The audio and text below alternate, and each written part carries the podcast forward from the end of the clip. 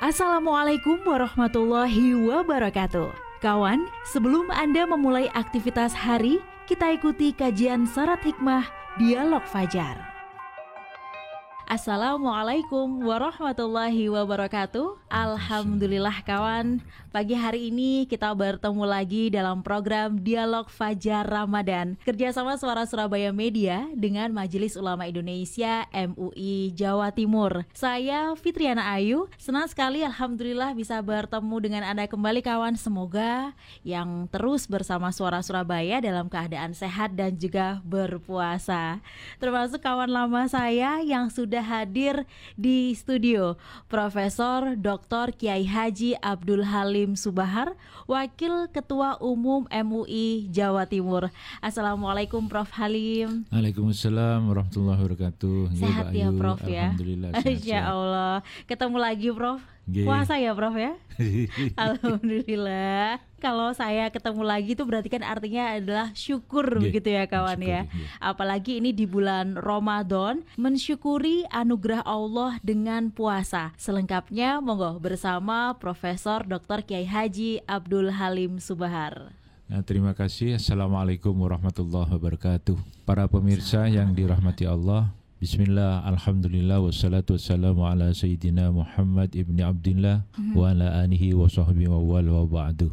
Yang kami hormati para pemirsa dan para pendengar sekalian Radio Suara Surabaya yang kita cintai bersama. Alhamdulillah. Mudah-mudahan radio ini tetap eksis dalam amin, menyuarakan hal-hal yang terkait dengan kebaikan dan kemaslahatan. Nah, tema pada kesempatan ini -hmm adalah mensyukuri anugerah Allah dengan berpuasa. Ini tema yang sangat penting, tapi sering dilupakan ini. Nah, iya Prof ya. Nah, dan persiapan untuk Ramadan itu sudah kita mulai kita selalu berdoa dua hmm. bulan yeah. sebelum memasuki Ramadan.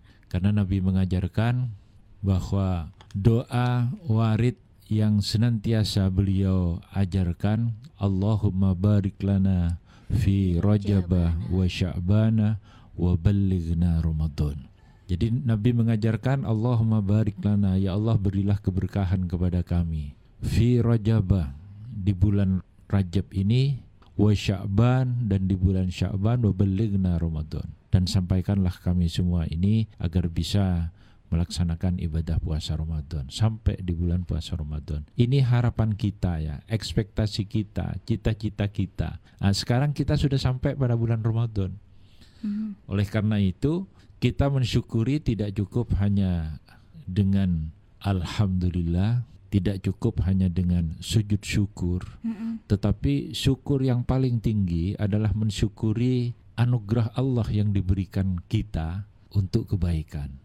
Di antaranya mensyukuri dengan datangnya bulan Ramadan ini dengan cara berpuasa. Karena puasa itu ibadah khusus untuk orang-orang khusus hmm. dan memang tujuannya itu khusus. Yang pertama misalkan panggilan, itu tidak semua orang dipanggil untuk melaksanakan ibadah puasa. Panggilannya ya ayyuhalladzina amanu, wahai orang-orang yang beriman. Bukan ya ayyuhan nas, tapi Ya ayyuhalladzina amanu.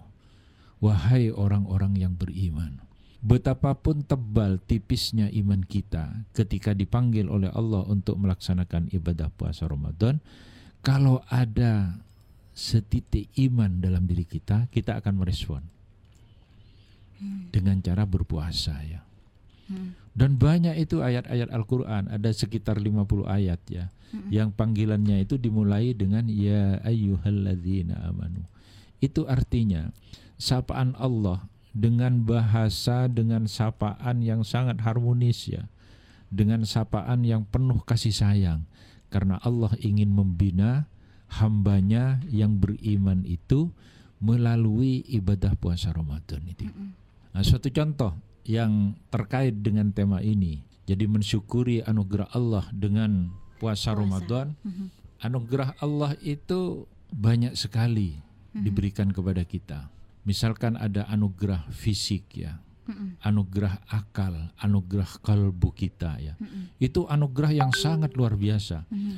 Karena Allah menciptakan manusia itu fi ahsani takwim. Takwim. Sebagai makhluk ciptaan yang terbaik.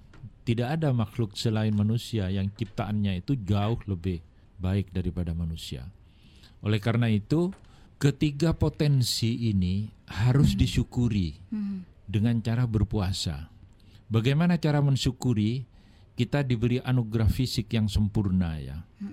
Kita mensyukuri agar supaya kita ini merawat potensi fisik ini secara baik dengan memakan, mengasup makanan, minuman halalan toyiban, berolahraga sekaligus menjaga gizi kita ya. Jadi tidak boleh orang menyakiti fisik kita itu. Fisik ini harus dirawat secara baik, dirawat dengan makanan yang halalan toyiban. Tidak cukup dengan halal, tapi juga toyib ya. Karena ada kalanya makanan itu halal, misalkan seperti sate itu, Oh ya. Sate itu halal itu Ya. karena disembelih dengan cara-cara yang halal dan diperoleh dengan cara-cara yang halal ya. Tetapi belum tentu toyib bagi orang yang kolesterolnya tinggi. Oh iya iya. Sate kalau banyak-banyak itu tidak boleh itu Iya iya. karena Bro. akan menyebabkan tidak toyiban. Nah, bagi orang seperti saya yang seneng sate masih sehat ya, lah itu tidak apa-apa itu toyiban itu. Tetapi bagi yang kurang sehat ya, kolesterolnya tinggi dan segala macam penyakit itu sebaiknya itu dihindari meskipun itu halal ya. Jadi halalan toyiban itu sangat penting dalam rangka merawat anugerah fisik yang diberikan Allah kepada kita ya. Itu dari segi bagaimana kita mensyukuri anugerah fisik ya. Kemudian yang kedua itu ada anugerah akal ya. Di bulan Ramadan itu luar biasa itu. Akal itu harus dirawat dengan banyak membaca, dengan banyak akses informasi, dengan banyak pendidikan ya. Media apa yang tidak difasilitasi oleh masyarakat atau oleh tokoh selama bulan Ramadan ini? Ada pengajian ya. Radio kita tercinta Suara Surabaya itu memfasilitasi kajian keagamaan ya. Hmm. Terus di medsos itu banyak sekali. Semua media itu dalam rangka pencerahan kita, dalam rangka pencerdasan kita. Itu bagian agar kita bisa akses ilmu, akses pendidikan dan itu artinya kita mensyukuri potensi akal yang diberikan oleh Allah Subhanahu wa taala. Tidak boleh akal itu dibiarkan sehingga kita bodoh ya. Iya. Tidak boleh akal itu dibiarkan sehingga kita tidak tahu ya. Bahwa banyak sekali motivasi Allah yang menyebabkan agar supaya potensi akal ini, anugerah akal ini harus dirawat sedemikian baik. Misalkan dengan ayat-ayat afala tatafakkarun, afala yatadabbarun al-Quran, afala ta'qilun dan ayat-ayat yang lain yang memotivasi agar supaya kita bisa memfungsikan akal ini secara baik. Yang ketiga itu adalah anugerah kalbu. Ini yang sangat luar biasa. Karena dengan anugerah kalbu itu orang bisa merasakan kebaikan. Dengan anugerah kalbu orang ibadah itu bisa merasakan kekhusyuan ya. Hmm. Dengan anugerah kalbu orang itu bisa berkomunikasi dengan Allah di tengah malam atau di Masya tengah kesendirian atau di tengah kerumunan orang banyak. Itu kalbu. Jadi yang bisa mensinergikan, yang bisa menjalinkan komunikasi dengan Allah bukan fisik kita, bukan akal kita, tapi justru kalbu kita. Oleh karena itu puasa itu sasaran utamanya ini pada kalbu kita. Jadi yang dipanggil ya ayyuhalladzina amanu wahai orang-orang yang beriman. Itu yang akan merespon pertama kali itu bukan fisik kita, bukan akal kita, tapi justru kalbu kita. Karena kata Nabi, kalbu ini yang nanti akan menggerakkan pikiran kita, akan menggerakkan gagasan kita, akan menggerakkan perilaku kita ya. Sehingga kalau kalbunya ini baik, maka orang itu akan terus berpikir, bergerak dan melaksanakan uh, kemaslahatan atau kebaiknya, Insya Allah. kebaikan. Tapi kalau kalbu kita ini jelek, tidak pernah diasah, tidak pernah dirawat sebagai anugerah Allah, maka ini bisa menggerakkan orang pada hal-hal yang tidak baik ya. Nah, ketiga hal itu merupakan satu kesatuan yang harus terintegrasi. Hmm. Tidak akal sendiri, tidak kalbu sendiri, tidak fisik sendiri. Kalau fisik sendiri tanpa akal, tanpa kalbu, Nah, itu kan kayak apa itu? Di sawah itu biasanya ada ya yang disuruh menjaga pertanian Oh, padi iya. kalau sudah menguning Oh, itu kan iya. ada kayak orang itu hanya untuk menakut-nakuti eh, burung Mhm. agar pertaniannya itu tidak dihabiskan Masya. Padinya itu tidak dihabiskan ya. Tapi manusia tidak seperti itu. Manusia itu yang diinginkan oleh Islam secara fisik dia sehat dan kuat, secara akal dia cerdas ya, secara spiritual dia juga mantap ya. Kalau ketiganya itu bagus, itu akan menghasilkan manusia yang sangat bagus dan itu adalah bagian dari kekhususan yang menjadi tujuan disyariatkannya ibadah puasa Ramadan. Hmm. Oleh karena itu, puasa Ramadan itu puasa khusus bagi mereka yang beriman. Puasa Ramadan itu syariatnya khusus, puasa Ramadan itu juga tujuannya khusus ya. Hmm. Kalau ibadah-ibadah yang lain itu kelihatan semua. Oh iya. Misalkan Bro. ibadah sholat ya, kita iya. berpuasa ya. centak-centuk gitu Iya. kelihatan ya, Bro. Jadi kita ruku itu Iya. kelihatan, kita sujud kelihatan. Betul. Kita misalkan sholatnya ekspresinya itu kelihatan itu. Iya. Zakat juga demikian. Besar kecilnya zakat kita akan kelihatan minimal oleh mereka yang menerima zakat ya. Mhm. Haji juga begitu ya. Haji itu akan diketahui keluarga, akan diketahui orang satu RT, Mhm. bahkan orang satu kampung itu tahu Iya, iya. siapa yang melaksanakan atau tidak melaksanakan rukun Islam yang kelima ibadah haji. Tapi siapa yang tahu bahwa kita ini adalah berpuasa?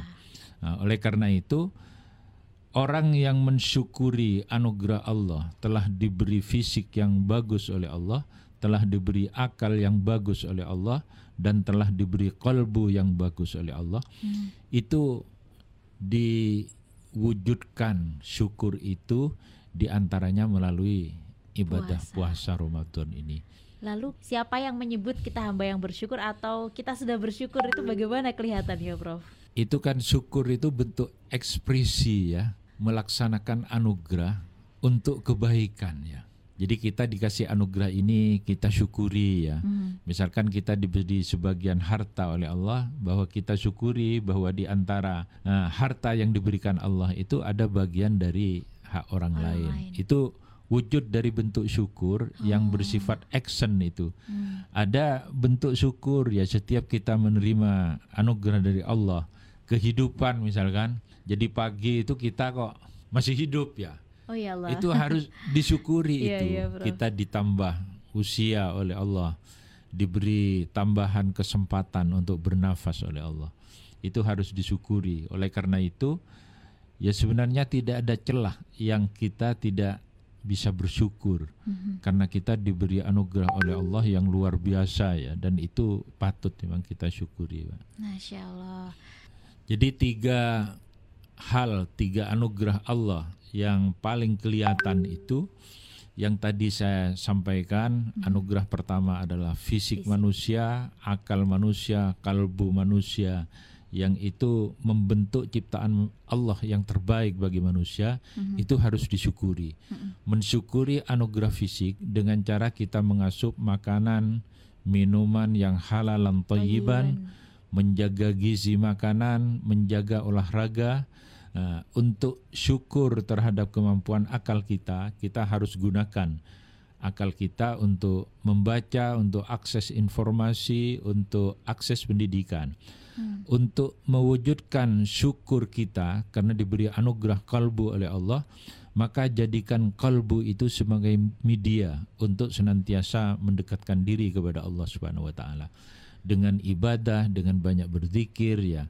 Karena ibadah dan berzikir itu dalam rangka memantapkan potensi kalbu kita. Kalau kalbu kita itu baik, insya Allah itu akan menebar kebaikan dalam diri kita dan menebar kebaikan pada masyarakat pada umumnya ya. Tetapi kalau kalbu kita itu jarang terasah, maka kebaikan itu sulit untuk bisa menebar itu. Islam menginginkan ketiganya itu berjalan secara terintegrasi. Tidak fisik hmm. sehat, tapi akal dan kalbunya, kalbunya. tidak pernah diasah ya. ya, ya. Atau akalnya sehat, tapi fisiknya sakit-sakitan nah. ya. Rasa apresiasinya sangat rendah ya. Atau hanya kalbunya sehat, hmm. tapi kesehatannya tidak dijaga, akalnya juga tidak dikembangkan. Ini hmm. tidak baik. Hmm. Yang baik dan sangat diharapkan bahwa anugerah fisik, anugerah akal dan anugerah kalbu, kalbu harus disyukuri dengan cara merawat sebaik-baiknya anugerah yang diberikan Allah kepada kita. Masya Allah, yes. Alhamdulillah. Semoga kawan apa yang disampaikan Profesor Dr. K. Haji Abdul Halim ini semakin menguatkan kita. Apalagi ini di bulan Ramadan, puasanya tidak hanya puasa menahan lapar dan juga haus ya, disertai tadi dengan fisik di uh, olahraga gitu ya Prof yeah, ya. Yeah. Kemudian membaca Al-Qur'an insyaallah. Ini bagian kita mensyukuri anugerah Allah dengan puasa. Dan demikian kawan program Dialog Fajar Ramadan pagi ini. Saya Fitriana Ayu bersama Profesor Dr. Kiai Haji Abdul Halim Subahar, Wakil Ketua Umum MUI Jawa Timur pamit. Wassalamualaikum warahmatullahi wabarakatuh. Waalaikumsalam warahmatullahi wabarakatuh program Dialog Fajar Ramadan 1444 Hijriah yang baru Anda simak. Hasil kerjasama Suara Surabaya Media bersama Majelis Ulama Indonesia MUI Jawa Timur.